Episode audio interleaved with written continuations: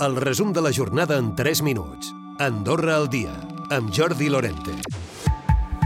Govern ha presentat el seu pla de xoc per frenar la inversió estrangera en immobles, una mesura pensada sobretot per a aquelles persones o empreses que venen únicament per comprar ja sigui cases, pisos, apartaments, estudis, locals comercials o fins i tot places d'aparcament i després vendre-les un preu més alt.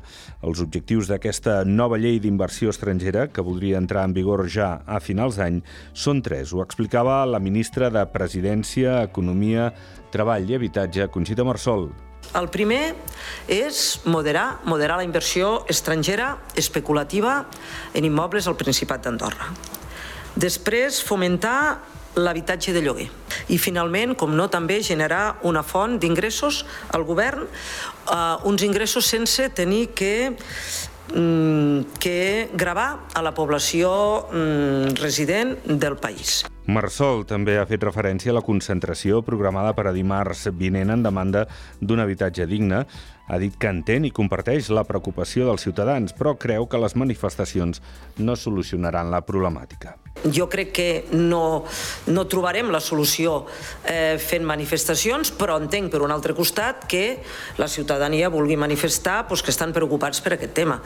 Però com ho estem nosaltres, i per això nosaltres estem treballant intensament i estem escoltant totes les propostes i les estem estudiant i també estudiarem la proposta dels sindicats. El Comú de Canillo ha tancat la compra de la parcel·la de l'antic càmping pla per un import de gairebé 12 milions d'euros que la corporació abonarà de manera plurianual. El terreny es destinarà a equipaments i serveis per als veïns de la parròquia. L'acord haurà de ser ratificat en sessió de Consell de Comú i el projecte no es farà realitat fins al proper mandat. I encara a Canillo pas al costat dels consellers de la minoria comunal. Es tracta d'objectiu comú i és que no estan a punt per preparar una llista en vista a les eleccions comunals del pròxim 17 de desembre. Parlava un dels dos membres d'aquesta minoria canillenca, l'Albert Torres. Avui, mm, la Dolors i jo no hem decidit de fer candidatura. Hem de fer un pas al costat. No pot ser que sempre hi hagi d'haver els mateixos en política. Hi ha d'haver un canvi generacional, hi ha d'haver un relleu personal, hi ha d'haver gent que vinguin amb més ganes, amb més empenta i amb ganes de renovar les coses.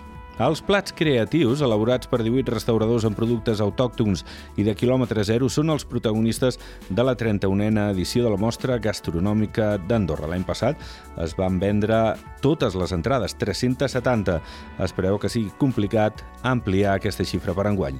La cònsol menor ordinenca és Eva Choi. Bé, la sala que tenim l'ACO ens dona per el que ens dona, ens dona per aquestes 370 places i, i bé, ampliar seria doncs, potser fer-ho en dos dies el que passa és que aquí també hem de comptar que els restauradors que venen eh, molt sovint han de tancar els seus establiments per venir a la mostra.